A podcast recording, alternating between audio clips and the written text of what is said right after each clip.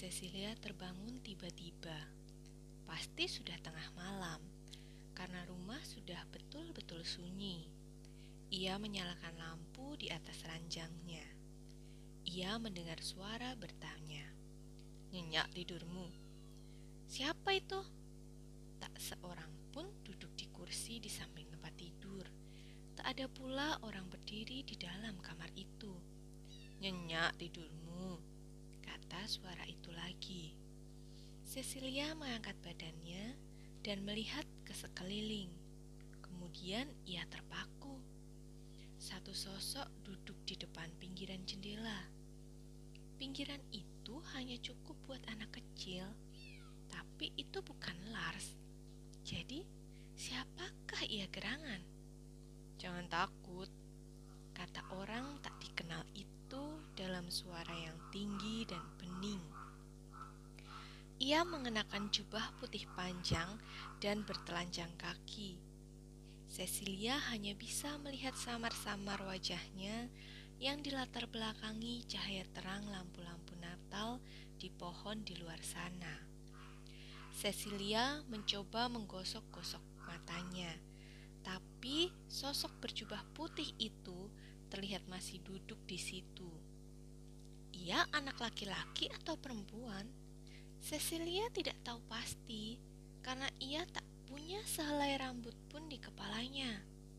Cecilia memutuskan bahwa ia pasti bocah laki-laki, meskipun bisa saja Cecilia menganggap sebaliknya. Bisakah kau beritahu aku apa kau tidur nyenyak? Ulang si tamu misterius itu. Ya, tentu saja. Tapi, siapa kamu? Ariel. Cecilia menggosok matanya lagi. Ariel? Ya, aku Ariel, Cecilia. Cecilia menggelengkan kepalanya. Aku masih belum tahu siapa kamu. Tapi kami tahu hampir semua tentangmu. Sama seperti cermin. Seperti cermin? Sosok itu mencondongkan badannya tampak seperti sewaktu-waktu ia akan jatuh dan menimpa meja di bawahnya. Kau hanya bisa melihat dirimu sendiri, kau tidak bisa melihat apa yang ada di sisi lainnya. Cecilia terperanjat.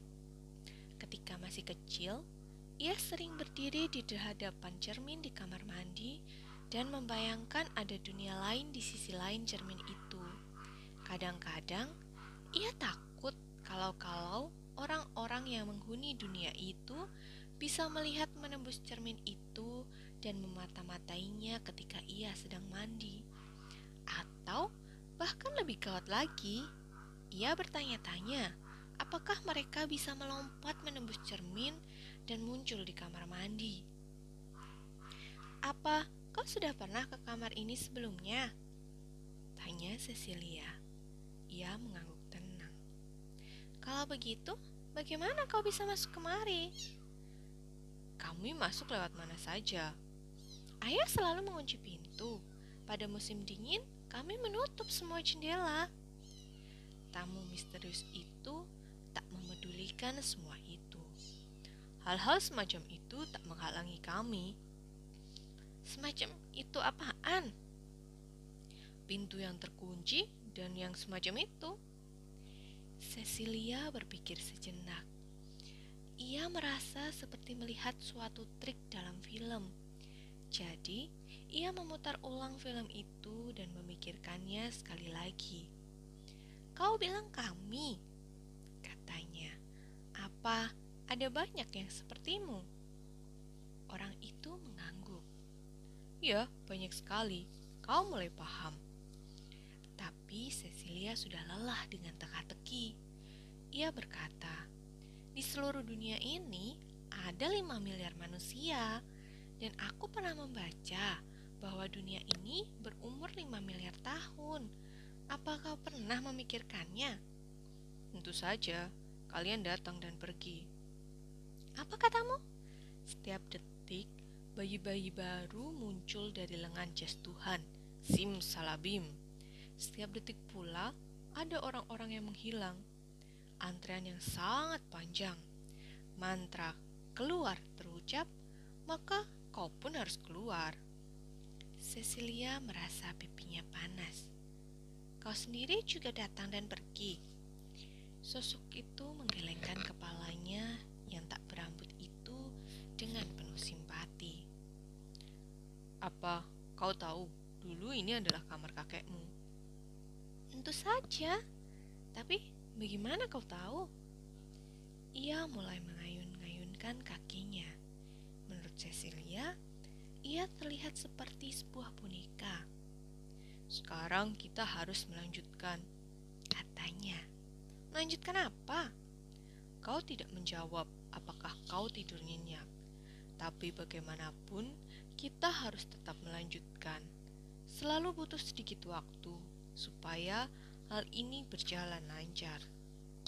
Cecilia menarik napas dalam-dalam dan mengembuskannya.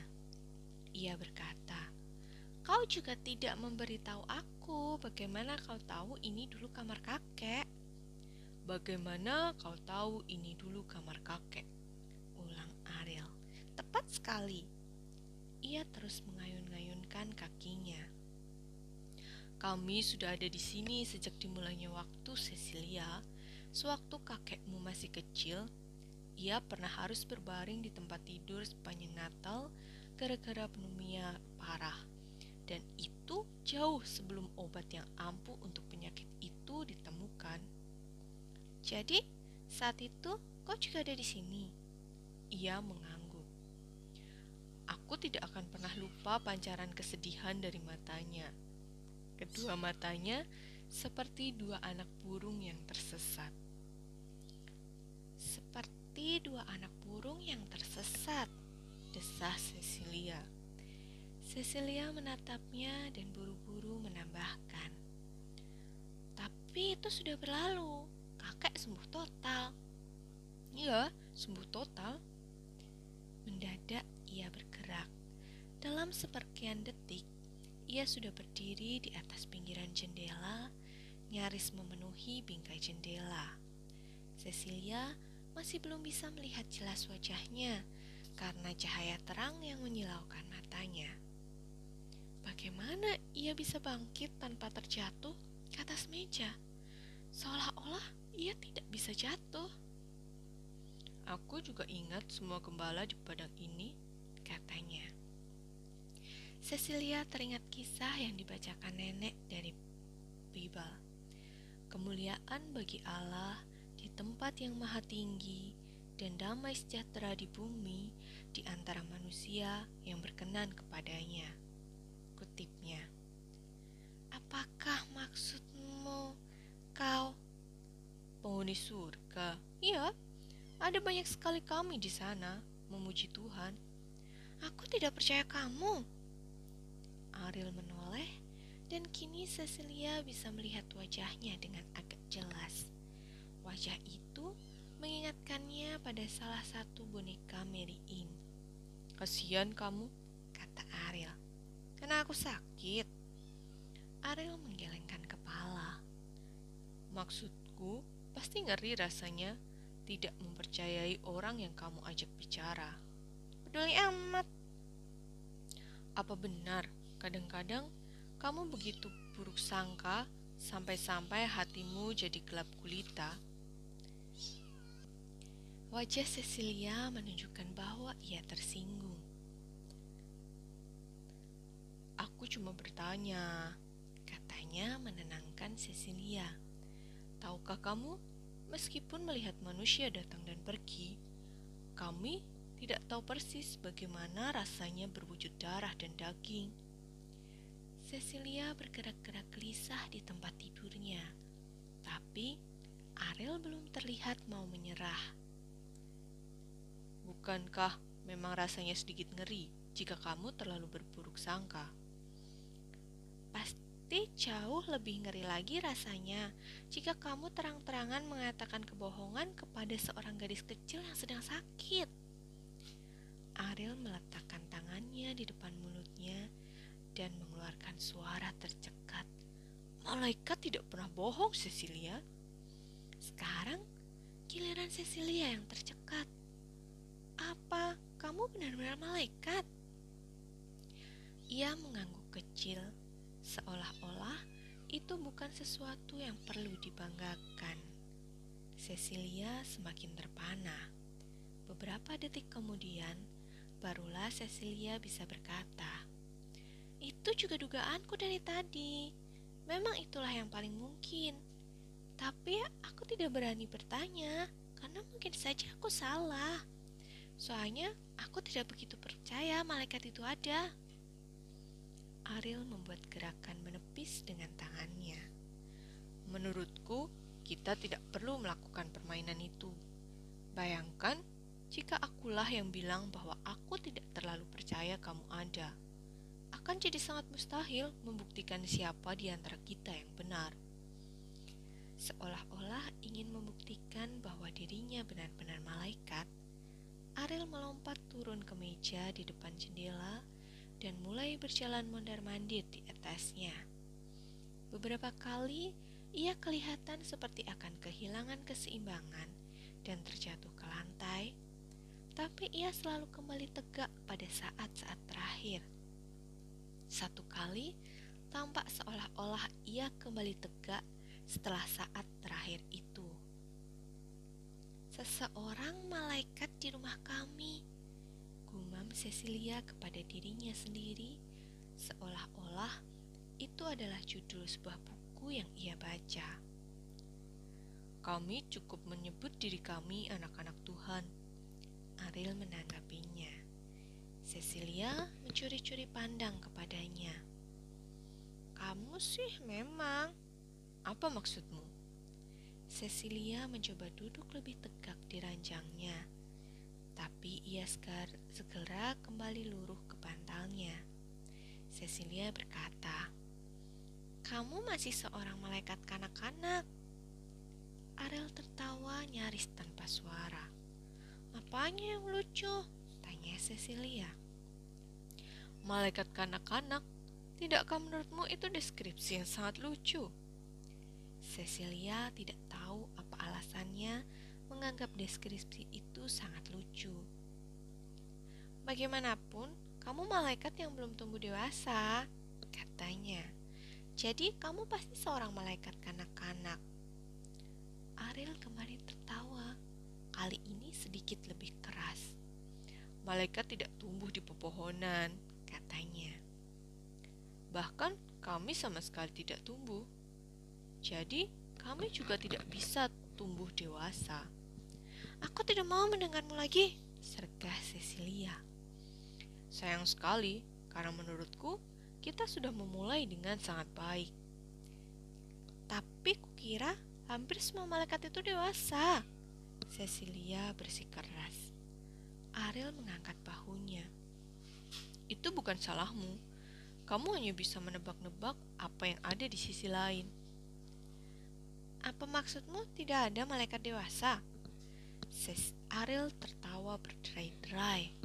Tawanya membuat Cecilia teringat ketika kelereng-kelereng Lars berhamburan di seluruh lantai dapur. Paling tidak, kali ini Cecilia tidak harus membantu Ariel memunguti Jadi, tak ada satupun malaikat dewasa, kata Cecilia menyimpulkan. Aku sih oke-oke saja. Tapi itu artinya tak seorang pendeta pun berkata benar. Karena semua pendeta bilang ada banyak sekali malaikat dewasa di surga. Hening sejenak.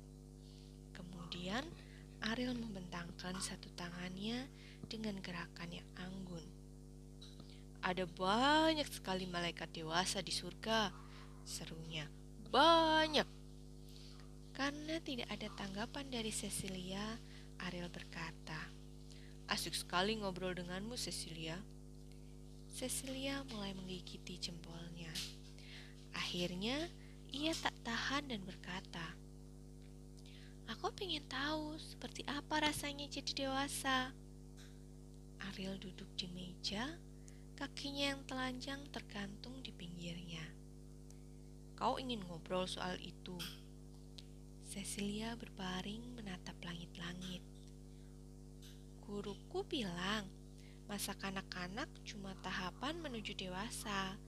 Itu sebabnya kami harus mengerjakan semua PR dan menyiapkan diri jadi orang dewasa. Konyol banget kan? Ariel mengangguk. Karena yang benar justru sebaliknya. Apa? Justru masa dewasalah yang merupakan tahapan menuju lahirnya anak-anak baru. Cecilia harus termenung dalam-dalam sebelum menanggapi. Tapi orang dewasa yang diciptakan lebih dahulu. Kalau tidak ada orang dewasa, tidak mungkin ada anak-anak. Ariel menggelengkan kepalanya. Salah lagi, anaklah yang diciptakan lebih dahulu. Kalau tidak ada anak-anak, tidak mungkin ada orang dewasa. Sebuah gagasan cemerlang melintas di benak Cecilia. Pertanyaannya adalah mana yang lebih dulu? Ayam atau telur? Ariel mulai mengayun-ngayunkan kakinya lagi. Apa kalian benar-benar masih memusingkan teka-teki kuno itu? Aku mendengarnya pertama kali dari seorang peternak tua di India, tapi itu sudah ribuan tahun yang lalu. Ia membungkuk di atas seekor ayam yang baru saja bertelur besar sekali. Lantas ia mulai menggaruk-garuk kepalanya. Kira-kira mana yang lebih dulu ada? Katanya, ayam atau telur ya?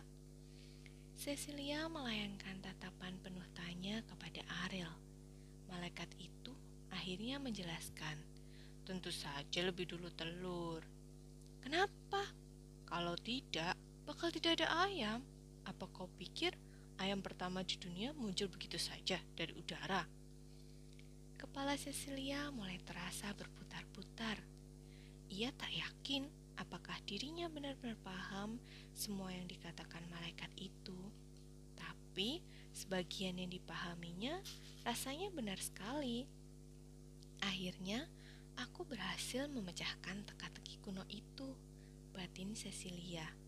Andai saja ia berhasil mengingat semua itu sampai besok pagi.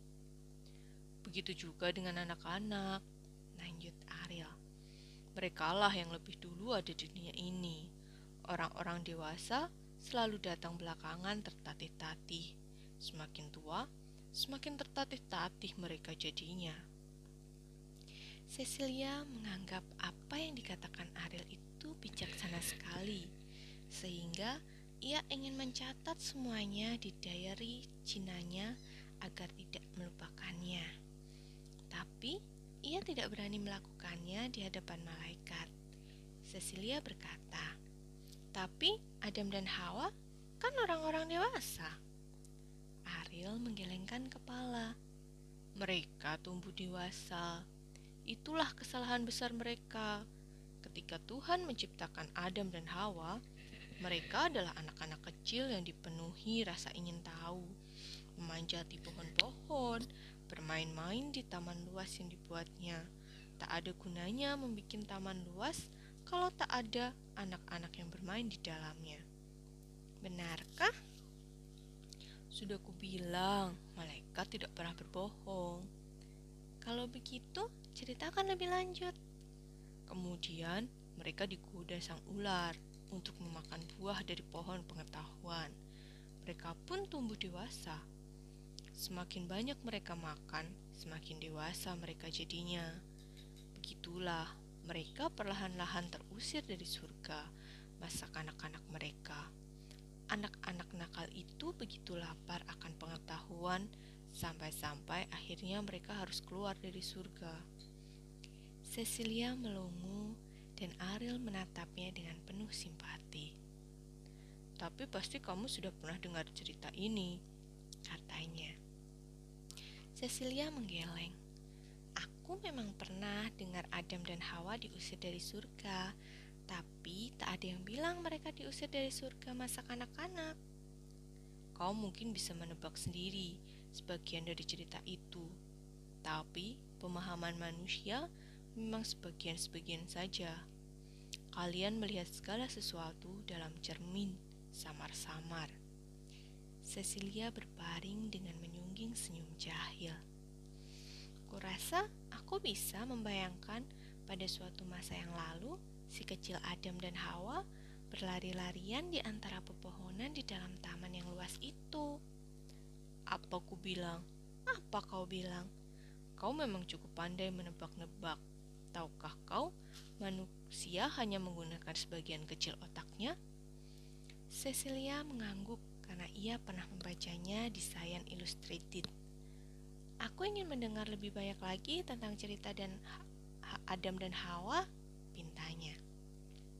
Akhirnya, Cecilia berhasil menegakkan tubuhnya cukup tinggi di atas tempat tidur. Ariel terus mengayun-ngayunkan kakinya sembari berbicara. Awalnya mereka terus tumbuh, badan mereka bertambah besar. Kemudian mereka matang secara seksual. Itu adalah bagian dari hukuman. Tapi itu juga tapi itu juga menjadi kegembiraan bagi Tuhan dan juga bagi manusia. Mengapa? Karena manusia-manusia baru bisa lahir di dunia dan seperti itulah yang berlangsung sepanjang masa. Tuhan telah merancang agar anak-anak terus lahir dan mereka menemukan sebuah dunia baru. Dengan cara itu, ia mengatur supaya penciptaan tak pernah usai. Tahukah kau, dunia tercipta kembali setiap kali seorang anak datang ke dunia. Ketika karena ketika seorang anak datang ke dunia, bisa dibilang dunia ini tampak baru bagi anak itu. Ariel mengangguk. Kau juga bisa bilang bahwa dunialah yang mendatangi anak itu. Terlahir sama artinya dengan dianugerahi seluruh dunia ini. Dengan matahari di kala siang, bulan di waktu malam, dan bintang-bintang di angkasa hitam. Dengan samudra yang membasahi pantai-pantai, dengan rimba-rimba belantara yang sedemikian lebatnya, sehingga mereka sendiri tak tahu rahasia di dalam diri mereka. Dengan makhluk-makhluk aneh berkeliaran di daratannya, karena dunia tak pernah menjadi tua dan beruban. Kalian, manusia, kalianlah yang menjadi tua dan beruban. Selama anak-anak masih datang ke dunia, Dunia ini tetap sama barunya seperti pada hari ketujuh ketika Tuhan beristirahat. Mulut Cecilia ternganga dan malaikat Ariel melanjutkan. Bukan hanya Adam dan Hawa yang saat itu tercipta. Saat itu, sebagian kecil dirimu ikut tercipta.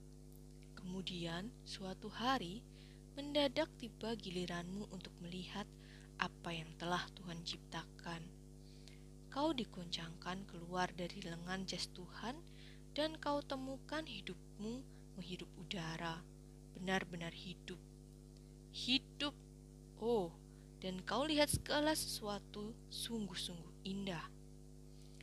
Cecilia tak bisa menahan tawanya. Ia bertanya, "Apa kalian semua benar-benar berkeliaran di sini sepanjang masa?" Malaikat Ariel mengangguk dengan kalem. Ya, ke sana kemari. Tapi keheranan kami tentang segala sesuatu berkaitan dengan dunia masih sama seperti keheranan kami separuh keabadian yang lalu. Bagaimana lagi? Kami hanya melihatnya dari luar. Di dalam dunia, hanya anak-anaklah yang sama ingin tahunya dengan kami. Tapi dalam makna tertentu, mereka juga datang dari luar dunia. Selama sakit, Cecilia juga sering berpikir begitu.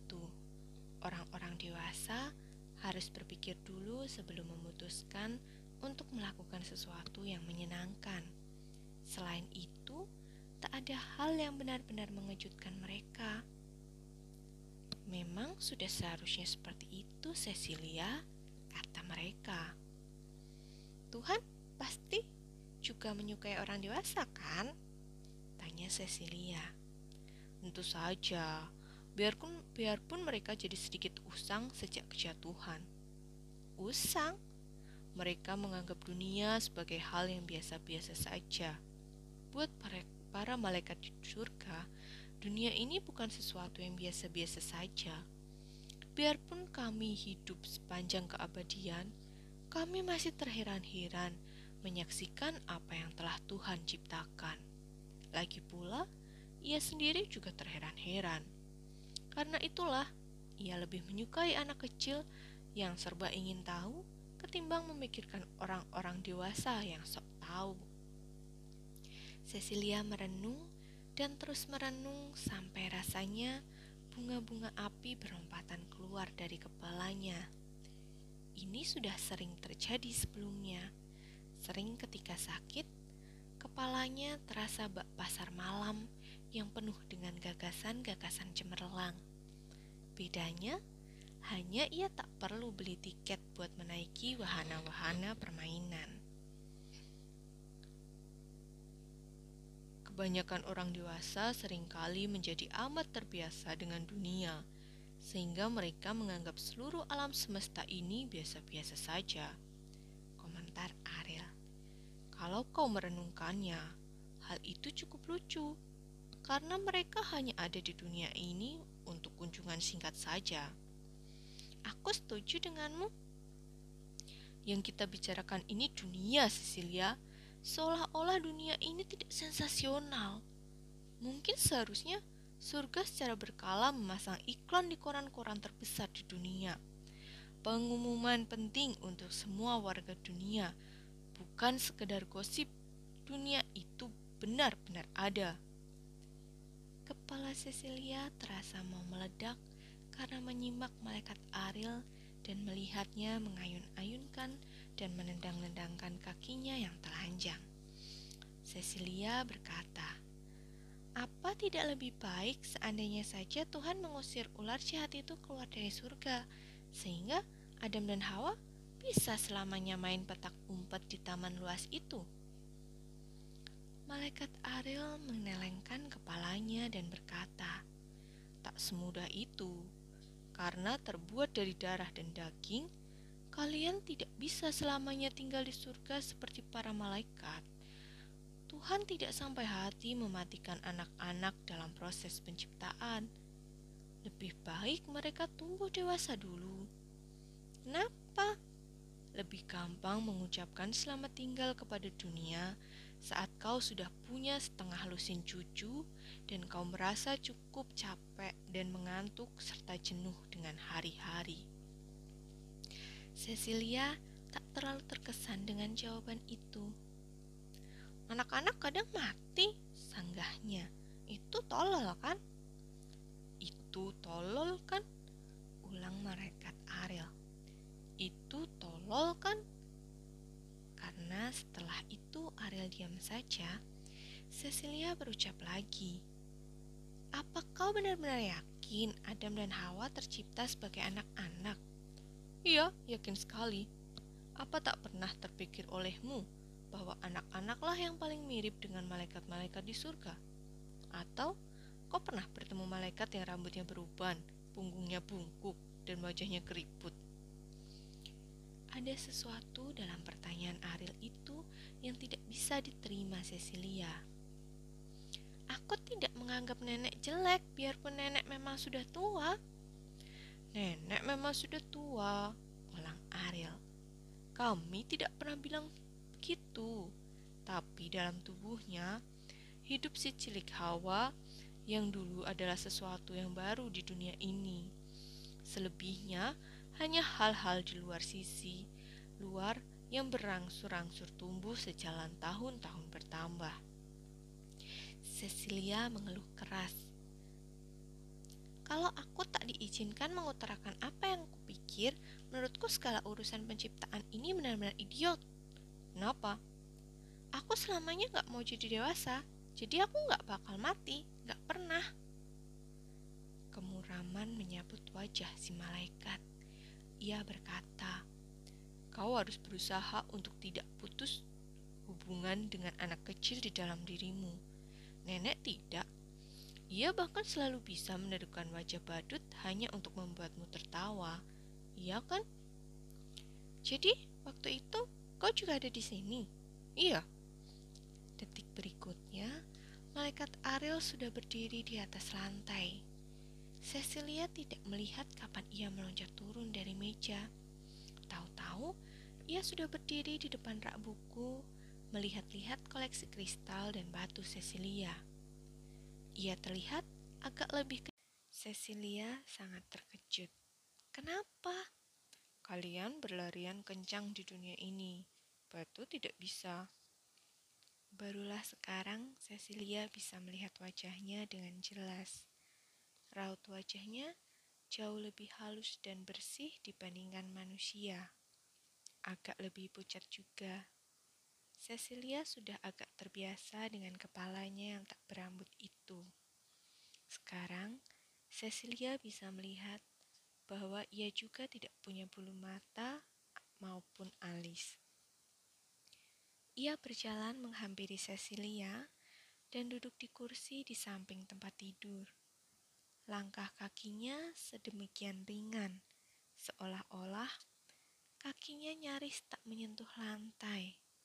Seolah-olah ia melayang melintasi ruangan. Matanya cemerlang, bak dua permata biru turkois.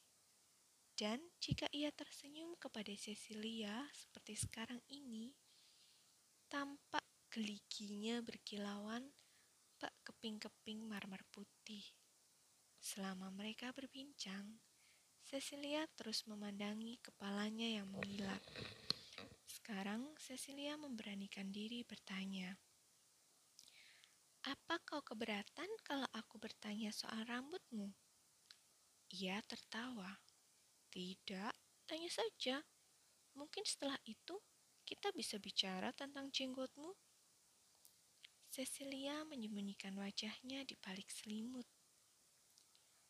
Kau kira malaikat punya rambut yang panjang dan indah? Itu karena kalian melihat segala sesuatu melalui cermin. Jadi kalian hampir mustahil tidak melihat diri kalian. Cecilia tak sepenuhnya puas dengan jawabannya. Bisakah kau beritahu kenapa malaikat tak punya rambut di kepala mereka?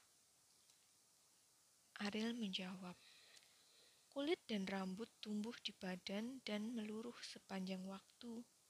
Keduanya berhubungan dengan darah dan daging dan menjadi pelindung dari debu dan kotoran, panas dan dingin. Kulit dan rambut punya kaitan dengan bulu binatang dan tidak ada kaitannya dengan malaikat. Kenapa tak sekalian saja kau tanyakan, apakah kami menggosok gigi atau apakah kami memotong kuku setiap Sabtu? Jadi, kalian gak pernah melakukan hal-hal seperti itu ya? Ariel menggeleng. Bukan hal-hal seperti itu yang membuat aku dan kamu sama. Lalu apa dong? Ariel menunduk memandang Cecilia. Malaikat dan manusia sama-sama punya roh yang diciptakan Tuhan. Tapi manusia juga punya badan yang tumbuh. Kau tumbuh dan berkembang seperti tumbuhan dan hewan. Konyol ah, keluh Cecilia. Aku gak suka disamakan dengan hewan. Ariel terus saja bicara seolah-olah ia tak mendengar perkataan Cecilia itu. Semua tumbuhan dan hewan memulai hidup mereka sebagai benih atau sel mungil. Mula-mula, mereka sangat serupa, sehingga kau tak bisa membedakan mereka.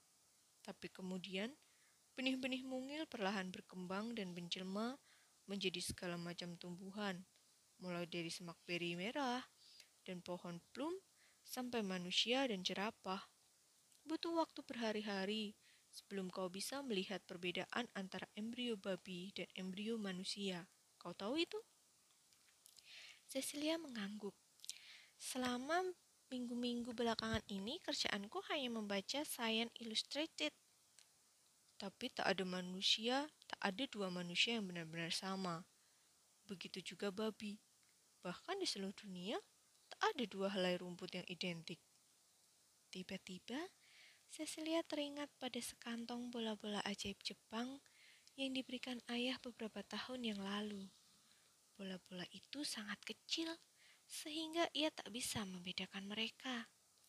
Tapi begitu dimasukkan ke dalam air, mereka menggembang dan menjelma menjadi berbagai bentuk yang beraneka warna. Satu sama lain, tak ada yang mirip. Aku tadi bilang aku gak suka disamakan dengan hewan, ulangnya. Ariel meletakkan tangannya dengan lembut di atas selimut. Cecilia hanya merasakan sentuhan sangat ringan di kakinya. Kau adalah hewan dengan roh malaikat, Cecilia. Itu berarti kau dianugerahi hal-hal terbaik dari dua dunia. Tidakkah itu bagus? Aku gak yakin. Perpaduan ini adalah keberhasilan yang sangat besar. Kau punya kesadaran, seperti malaikat di surga. Selamat petang, wahai pemuda. Namaku Cecilia Scottbu. Maukah berdansa denganku? Malaikat Ariel mengulurkan sebelah tangannya dan membungkuk dalam-dalam. Ia terlihat seperti baru keluar dari kelas dansa. Ia meneruskan, "Tapi badan yang kau huni terbuat dari daging dan darah, sama seperti sapi dan unta. Itulah sebabnya mengapa rambut tumbuh di badanmu. Tentu saja, kebanyakan di atas kepalamu, tapi di bagian lain pun tumbuh, biarpun awalnya sedikit sekali. Dan rambut-rambut itu makin lama makin cepat tumbuh, Cecilia. Makin lama makin lebat. Alam tumbuh seperti tabir yang makin menebal di sekeliling anak kecil yang baru tiba di dunia. Ketika manusia dilepaskan oleh tangan Sang Pencipta, badan mereka sebersih dan selembut malaikat di surga tapi itu hanya di luarnya. Karena kejatuhan ke dalam dosa telah terjadi, di dalam badan itu darah dan daging bergejolak, yang berarti hidupmu tak abadi. Cecilia menggigit bibirnya. Ia tak suka membicarakan hal-hal yang berkaitan dengan badannya. Ia juga tak suka bayangan bahwa ia sudah mulai dewasa. Si kecil Lars tak punya rambut di kepalanya sampai ia berumur dua tahun, katanya. Tak kau beritahu pun aku sudah tahu. Kalau begitu, kau mungkin juga tahu aku diberi obat-obatan yang keras sekali di luar sekali di rumah sakit. Rambutku rontok karenanya. Ariel mengangguk. Kita jadi makin mirip saja. Sebenarnya, aku harus mendapat perawatan yang sama lagi. Tapi kami berubah pikiran. Aku juga tahu itu. Nenek yang meyakinkan semua orang bahwa bahkan termasuk para dokter. Nenek benar-benar luar biasa kalau sudah punya pendirian. Akhirnya, kami mengepak tasku dan pulang ke rumah. Tapi, Kristen datang beberapa kali seminggu. Ia seorang perawat. Aku tahu semua itu. Cecilia memandangi langit-langit. Selama beberapa saat, ia berbaring diam, memikirkan segala sesuatu yang telah terjadi selama berbulan-bulan belakangan. Kemudian, ia menoleh ke Ariel lagi. Kamu yakin kamu ini benar-benar malaikat? Sudah kubilang, malaikat tak pernah bohong. Tapi kalau kamu bohong, berarti kamu bukan malaikat. Jadi bisa saja kamu memang bohong. Ariel mengeluh keras. Ya ampun, ruwet sekali kecurigaan kalian.